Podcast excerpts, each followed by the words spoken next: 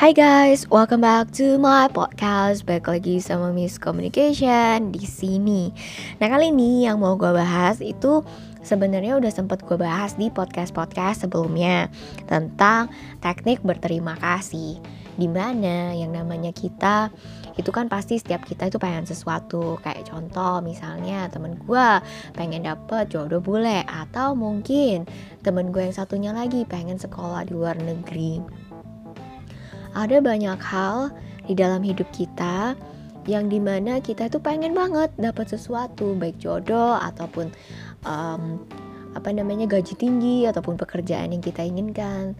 Tapi semuanya itu balik lagi apakah itu memang benar-benar untuk kita dan sesuai yang kita persiapkan atau itu belum saatnya tiba. Jadi buat teman-teman di sini yang di mana pengen sesuatu tapi belum dapat dapat ataupun um, belum apa ya bilangnya belum yakin banget gitu itu untuk kita tenang aja. Yang jelas satu hal yang terbaik itu pasti akan datang dan yang terbaik pula untuk kita. Jadi nggak ada yang namanya gagal yang ada itu selalu delay in result delay in result. Jadi kayak um, hasil yang tertunda lah bukan gagal tapi hasil itu tertunda yang di mana hasil itu pasti akan selalu jadi yang terbaik buat kita. Bukan buat tetangga tapi buat kita. Karena takarannya kita itu adalah takaran yang kita persiapkan dan jangan takut dan jangan khawatir juga sama yang namanya dunia karena dunia itu adil kok. Dunia itu adil cuman tinggal tunggu waktunya aja Nah, di dalam bukunya Joseph Murphy yang di mana uh, The Power of Subconscious Mind sempat dibilang yang namanya thank you teknik itu sangat berperan sekali dalam mendukung kita punya iman dan doa dan harapan itu untuk datang atau bahkan sudah kita terima. Dan di mana itu semua berlaku di masa sekarang. Dan saya akan bacakan lagi tentang thank you teknik ini di mana ini saya dapatkan dari bukunya. In the Bible, Paul recommends that we make known our request with praise and thanksgiving. Di dalam Alkitab di mana Paulus itu merekomendasikan ketika kita ingin meminta sesuatu kita perlu memuji dan berterima kasih. Karena yang namanya the thankful heart is always close to the creative forces of the universe.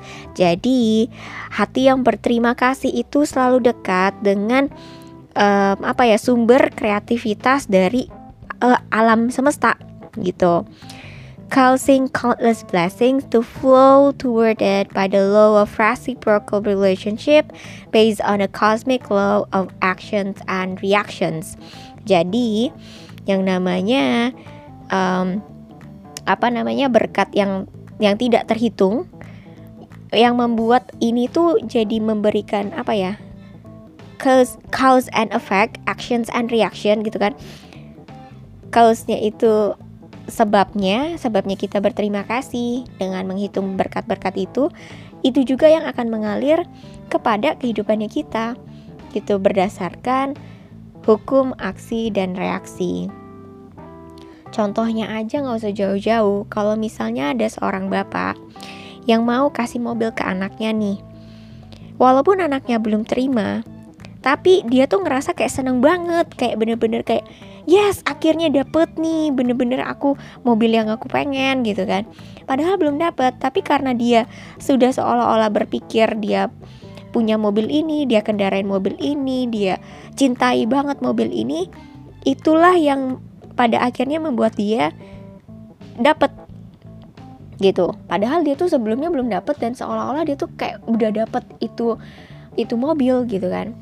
Sama seperti uh, kejadian dulu dulu gue banget itu pernah pengen punya handphone. Dulu kan kalau handphone itu bener-bener kayak yang barang langka ya barang langka barang mahal gitu kan. Yang nggak semua orang bisa beli gitu kak. Apalagi simnya sampai berjuta sampai berapa juta ya waktu itu. Kayak lumayan mahal lah ibarat katanya.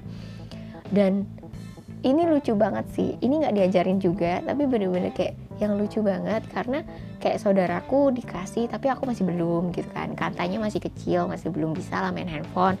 Atau handphone tuh masih barang mewah. Nah terus um, tugasnya gue ya ide melatih diri untuk menyenangkan hati. Seolah-olah gue udah punya itu handphone di mana gue bikin lah kertas yang bentuk gambarannya handphone gitu. Terus abis itu uh, gue kasih QWERTY-nya tombolnya itu 1, 2, 3 dulu kan zamannya masih Nokia itu masih kayak tombol. Terus abis itu bawahnya tulisan A, B, C, C, D, E gitu-gitu kan. Beda sama sekarang yang pakai QWERTY keypad gitu.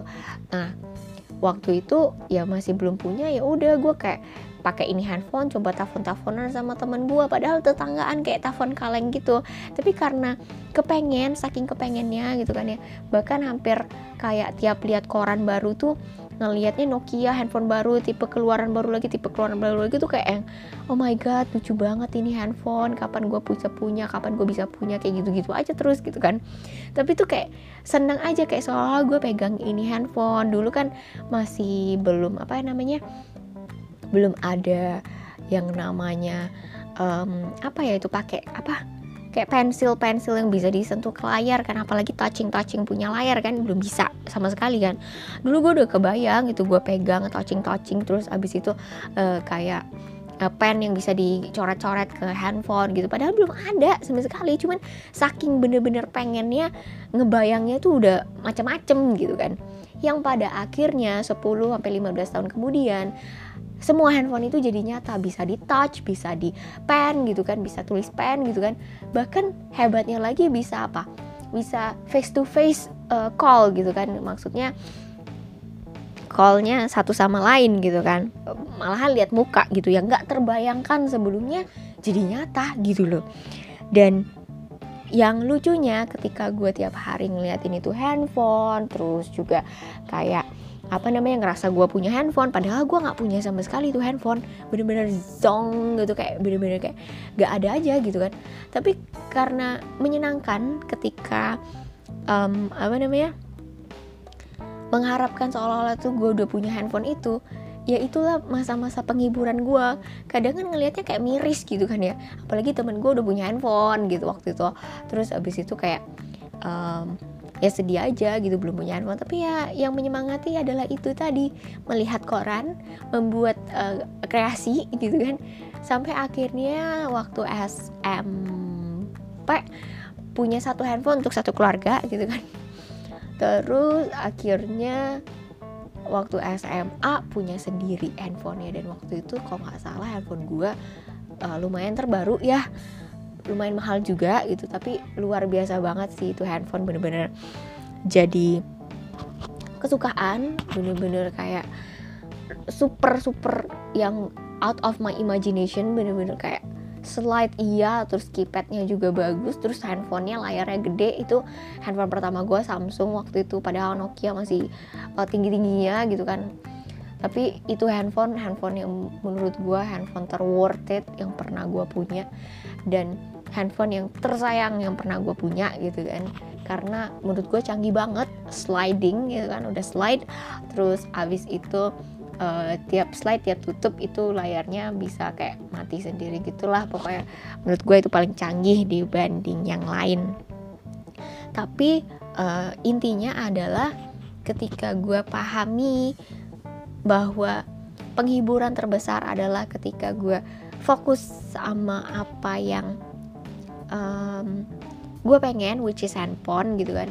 Dan uh, walaupun juga gue belum bisa dapet yang kayak coret-coret ataupun touchscreen waktu itu waktu itu kayaknya belum ada touchscreen deh. Tapi kayak uh, apa ya bilang ya intinya tuh ada handphone lah gitu kan. Yang gue pun nggak kepikiran kalau gue bisa dapet yang sliding gitu kan. Bener-bener kayak out of my expectation bahkan lebih bagus lah dari apa yang gue pikir gue bakal dapet dan itu tuh um, yang gue lihat nih ya dari yang thank you teknik ini mungkin part of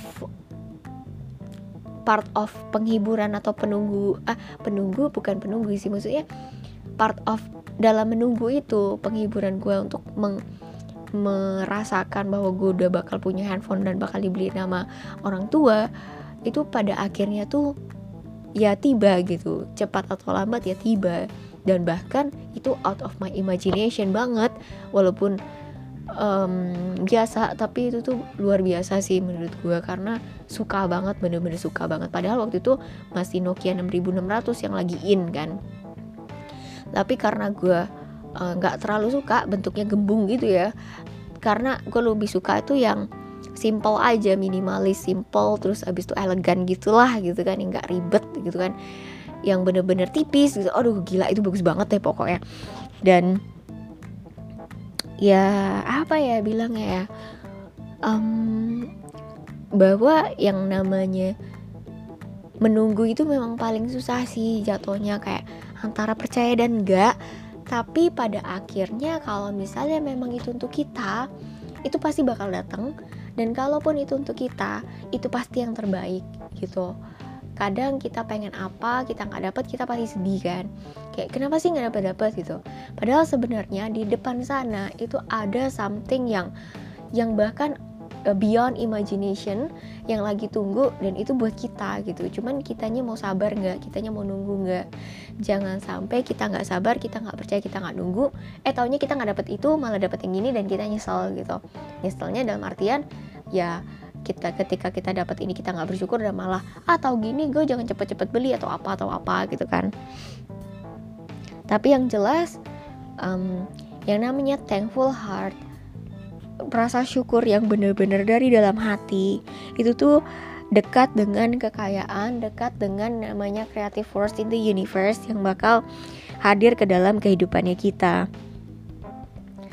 Nah, di thank you teknik ini sendiri James pernah ber cerita bahwa ada yang namanya Mr. Broke. Mr. Broke ini sampai dibilang Mr. Broke karena dia bangkrut lah. Bangkrut, nggak punya kerjaan. Terus billnya itu tuh malah muncul-muncul terus. Padahal dia belum punya kerja, punya anak tiga lagi. Dan nggak punya uang. Sebangkrut-bangkrutnya orang ini udah bangkrut banget gitu kan.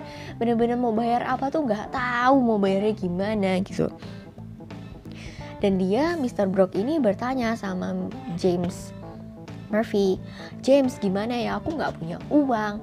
Bener-bener nggak tahu harus gimana gitu kan. Tapi untungnya keluarganya nggak ninggalin dia. Jadi kan maksudnya dia masih ada lah yang disyukuri gitu walaupun Bill muncul-muncul terus. Nah tapi si James ini bilang setiap malam dan setiap pagi selama tiga minggu Cobalah untuk mengulang kata-kata ini. Thank you God atau thank you Father atau thank you um, universe gitu kan bahwa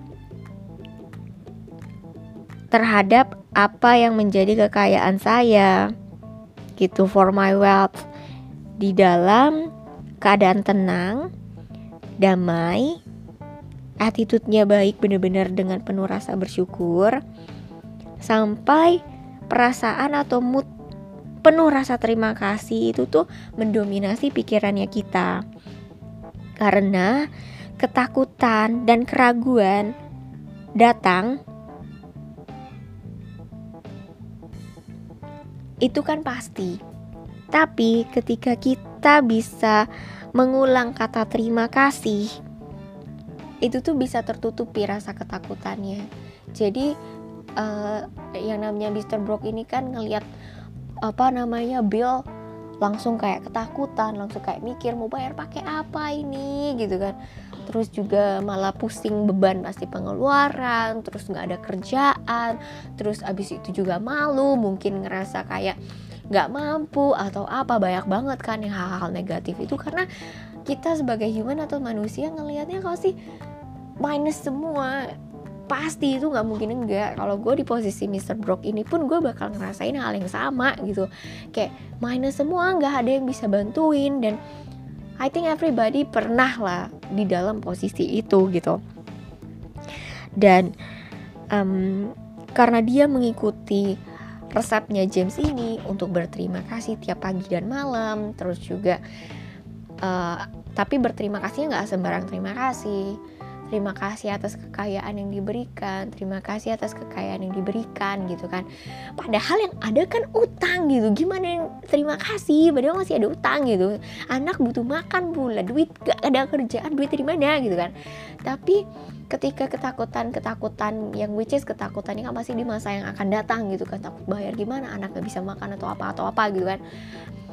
Ketika itu datang ketika ketakutan itu datang langsung di cut sama Mr. Brock ini dengan rasa terima kasih, terima kasih, terima kasih di dalam keadaan tenang dan nyaman. Maka pada saatnya ini terbayarkan. Dan kenyataan itu terjadi setelah minggu keempat di mana dia itu bertemu dengan bosnya. Dulu dia pernah bekerja di mana, dia bertemu dengan bos ini mantan mantan mantan atasan lah. Gitu kan.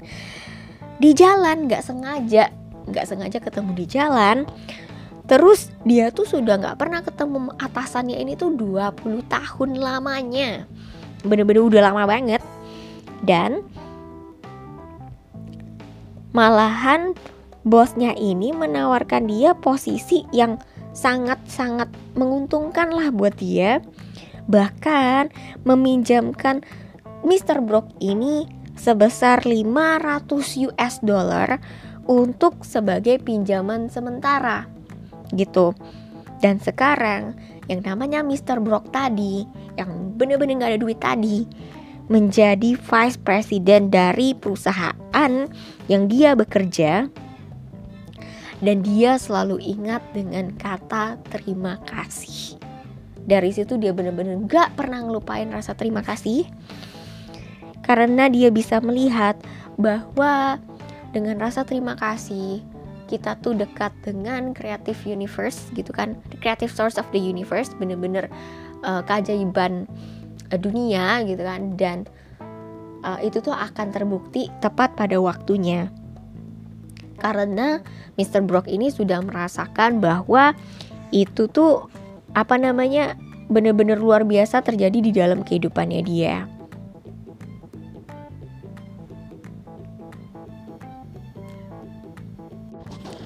Nah, jadi ceritanya um, based on this thank you technique. Jadi di mana thank you technique ini juga part of-nya kita untuk menambah iman. Tapi gue juga nggak tahu ya apakah ini termasuk dengan im, uh, mempertahankan iman atau enggak. Tapi yang jelas bisa jadi ini adalah um, boosternya untuk iman itu tadi.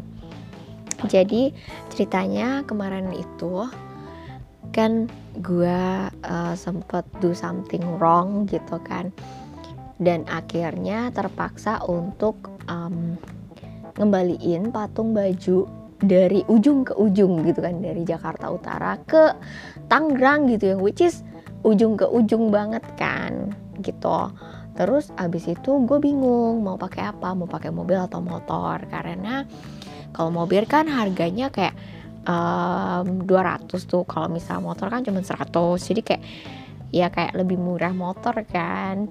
Jadi tuh kayak gue pikir oke okay, yang perlu gue persiapkan adalah kantong gitu kan. Kantong hitam gitu yang gede dan tali gitu. Tapi gue tuh udah di jalan dan gue tuh bingung di mana jual yang jual kantong dan tali gitu. Dan gue tuh percaya banget ya yang namanya kalau misalnya Tuhan sudah berkati atau alam sudah berkati itu tuh pasti ya tersedia sendirinya tersedia dengan sendirinya gitu. Jadi nggak perlu takut cukup tahu apa yang dimau. Kalau misalnya Tuhan berkehendak atau Tuhan merestui itu tuh pasti ada gitu. Nah jadi ya gue beriman aja kalau misalnya apa yang gue mau ada semua gitu. Waktu gue jalan ke tempat itu untuk ambil patungnya. Dan ceritanya waktu gue jalan gue aus nih gue mampirlah ke minimarket gitu kan. Ternyata di minimarket ini lengkap banget semua ada. Terus gue tanya lah mbak ada jual nggak yang namanya um, kantong kresek yang gede banget kalau bisa? Gitu kan terus dia bilang oh ini kresek sampah bisa nggak? Mau nggak mbak? Gini gini gini. Oh ya udah akhirnya gue belilah itu kan. Terus selanjutnya gue butuh tali gitu kan. Karena kalau gue mau naikin ke motor gue butuh tali dan kresek untuk ngelindungin kan. Terus abis itu ya udahlah gue akhirnya cari tali. Tapi bingung nggak ada. Sepanjang jalan tuh nggak ada jual. Sampai akhirnya gue ngeliat toko cat gitu. Toko cat ini orang ini tuh lagi bongkar barang dan tali-talinya tuh kayak either mau dipakai lagi atau dibuang gitu kan. Terus akhirnya saya ya memberanikan diri untuk tanya gitu. Mas ini mau dipakai atau dibuang ya? Boleh nggak saya minta? gitu kan. Atau ada jual boleh nggak saya beli deh? gitu kan. Terus dia bilang ehm, ini nggak di ini nggak dijual sih mbak gitu gitu kan. Um, kamu butuh iya mas gitu kan um, mau satu apa dua? Aduh nggak tahu mas gitu kan. Saya juga bingung kalau misalnya bisa sebanyak banyaknya kan sebanyak banyaknya ya. Karena kan um, gue takut banget kalau patungnya itu kayak uh, kiri kanan kiri kanan gitu kan. Gak enak juga gitu. Terus akhirnya hmm, karena dia bingung gitu kan melihat ini anak butuh berapa banyak akhirnya dia kasih semua gitu kan. Dan itu yang gue mau sebenarnya. Akhirnya ya udah didapet gitu kan. Udah gue jalan ambil ke ambil patungnya ke tempat itu gitu. Terus gue galau lah mau pesan mobil atau motor gitu. Tapi gue bingung kalau misalnya mobil first itu mahal gitu kan ya walaupun sebenarnya nggak mahal-mahal banget juga sih tapi tetap aja gitu. Kalau bisa berhemat kenapa harus bayar lebih? Terus abis itu um, apa namanya uh, ya udah akhirnya motor kan. Kan karena kan gue juga udah direstui udah beli plastik udah beli tali gitu um, udah dapet tali gitu kan. Ya udah ya udah akhirnya pesen lah gitu kan. Eh nggak taunya pesen dapet ibu-ibu di motor itu. Untungnya ibu-ibu ini nggak uh, centil atau apa gitu nggak bener-bener kayak super woman sekali gitu kan. Dan dia juga uh, jago banget naliinnya gitu. Nah tapi dia juga awalnya kaget ini gede banget. Untungnya bisa dibaca dan bisa dimasukin kresek dan juga bisa ditali-taliin lah talinya tuh kepake semua lah intinya tuh gitu kan. Terus abis itu dia jalan dengan um, apa namanya motornya dia dengan patung itu gitu. Dan sebenarnya sih gue yakin-yakin aja itu bakal sampai gitu kan. Nggak taunya permasalahannya ada lagi gitu.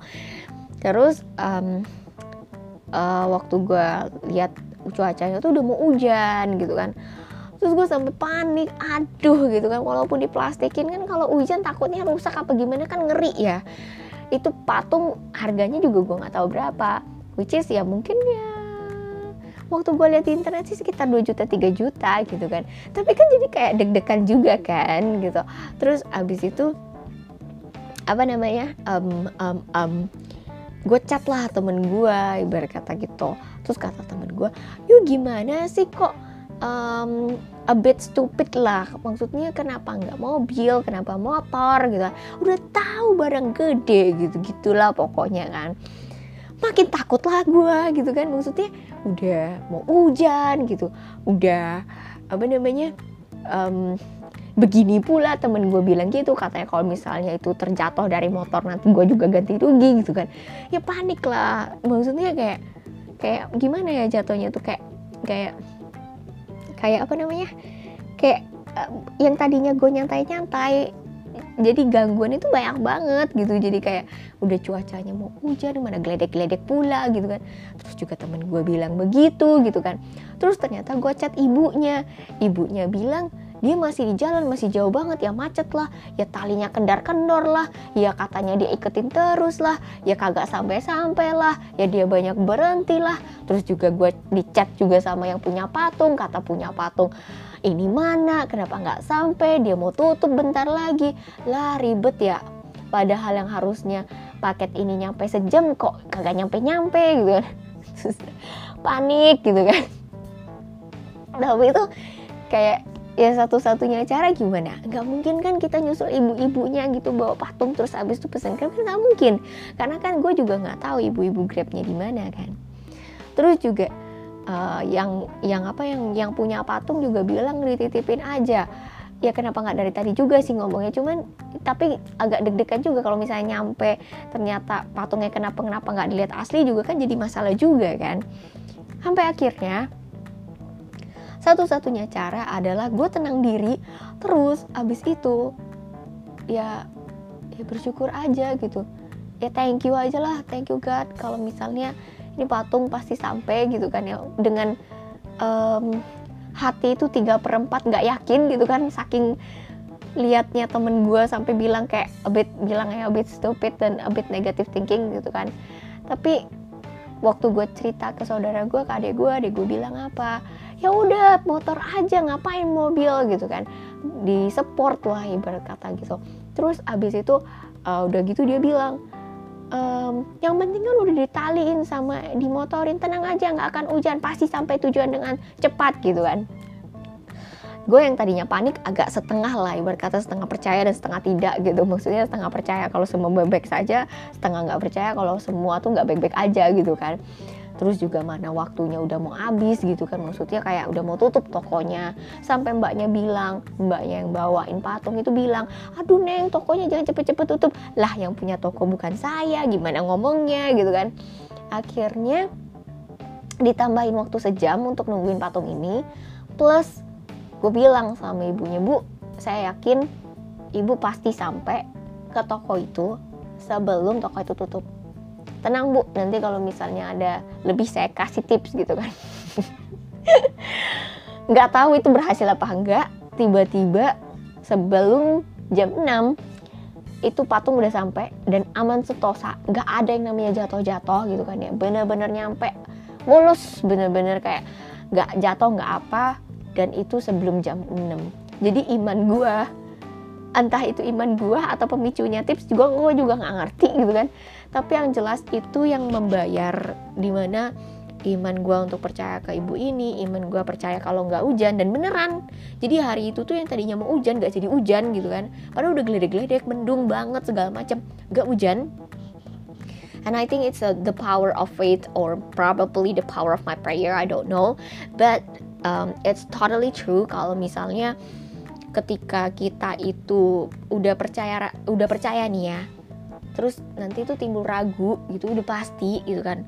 Mau iman sebesar apa pun pasti ada keraguan. Namanya kita kan manusia kan. Terus juga ketika ragu itu uh, bagusnya banget itu ada yang positif ada yang negatif gitu kan tapi gue lebih pilih untuk percaya sama omongan adik gue omongan sister gue kalau misalnya semua tuh bakal baik-baik aja nggak ada kenapa-kenapa tenang aja gitu kan aman selama udah ditaliin segala macem gitu. Dan akhirnya awalnya gue sempet nyesel kenapa nggak mobil gitu kan. Tapi kalau dipikir-pikir mobil juga pasti macet gitu kan. Jadi udahlah motor aja. Terus juga ya pasti aman juga lah. Walaupun pada akhirnya ya agak kendala juga. Cuman ternyata nih ternyata punya ternyata ibunya itu rumahnya deket sama toko yang uh, dia kirimin gitu. Jadi ya emang udah udah di udah di apa ya udah di udah di arrange kayaknya itu udah di udah diatur gitu sama yang uh, sama dunia lah ibarat kata kan bahwa dia yang mengantarkan dia yang akan diberikan berkat dan dia juga yang akan sampai tepat pada waktunya gitu ke toko itu dan semua aman baik-baik aja. Jadi yang kata temen gue dari ujung ke ujung pakai motor yang dia bilang bakal jatuh dan bakal rusak segala macem in the end ya dia salah. Dan I actually uh, say that kalau misalnya temen gue ini udah dua kali sempet kasih uh, negative impact actually beneran. Tapi yang pertama salah dan yang kedua ini juga salah dan gue buktiin. Bukan berarti gue positive thinking enggak. Gue juga uh, part part part part uh, party dalam hati gue juga kayak setengah percaya setengah enggak gitu kan ya gue ragu juga.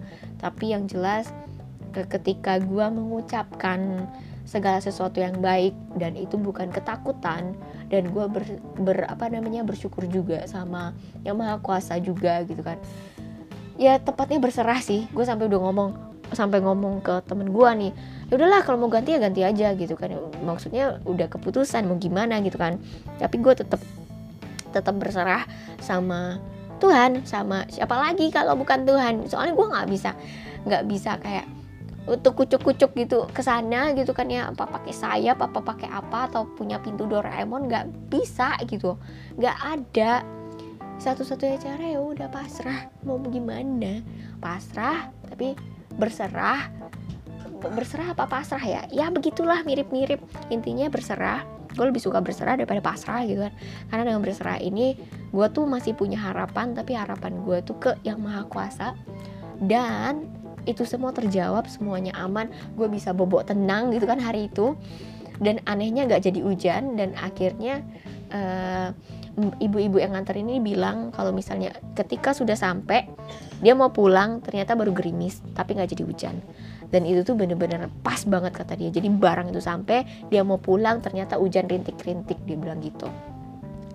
Dan gue ngerasain kalau misalnya ya Tuhan tuh nggak tidur gitu. Semua tuh pasti bakal ada tepat pada waktunya dan ya aman aja gitu. Nggak ada yang namanya kekurangan. Semua itu lancar-lancar aja dan semua tuh baik-baik aja dan ya udah gitu. Jadi um, apa ya bilangnya ya? Di sini gue bukan maksudnya menggurui tapi di sini gue lebih tepatnya berbagi apa yang pernah gue rasain gitu kan. Apa yang pernah terbukti juga gitu bahwa walaupun misalnya mungkin beberapa dari kalian mikir kalau misalnya Allah ini mahal biasa guanya aja yang ketakutan atau apa. Tapi di sini tuh gue uh, apa namanya percaya kalau misalnya kita punya niat baik perbuatan baik itu tuh pasti akan terbayarkan gitu. Tuhan tuh pasti kayak entah Tuhan entah dunia gitu kan ya. Tuhan tuh pasti kayak apa bilangnya? Um, melindungi memberikan yang terbaik dan tepat pada waktunya. Jadi buat teman-teman di sini yang mungkin putus asa yang mungkin uh, ngerasa susah ataupun ngerasa kayak apa namanya kayak gimana ya kayak kayak hopeless atau kosong ataupun apalah semuanya lah yang bercampur aduk tetap fokus sama rasa berterima kasih, tetap fokus sama uh, keinginannya kita yang jelas keinginan dengan niat baik, jangan dengan niat buruk ataupun niat yang merugikan orang lain. Karena segala sesuatu yang baik dengan rasa syukur yang baik itu pasti akan terbayarkan tepat pada waktunya. So guys, I think this is uh, for today. I hope this podcast will give you the benefit that you need. Thank you so much and have a great day.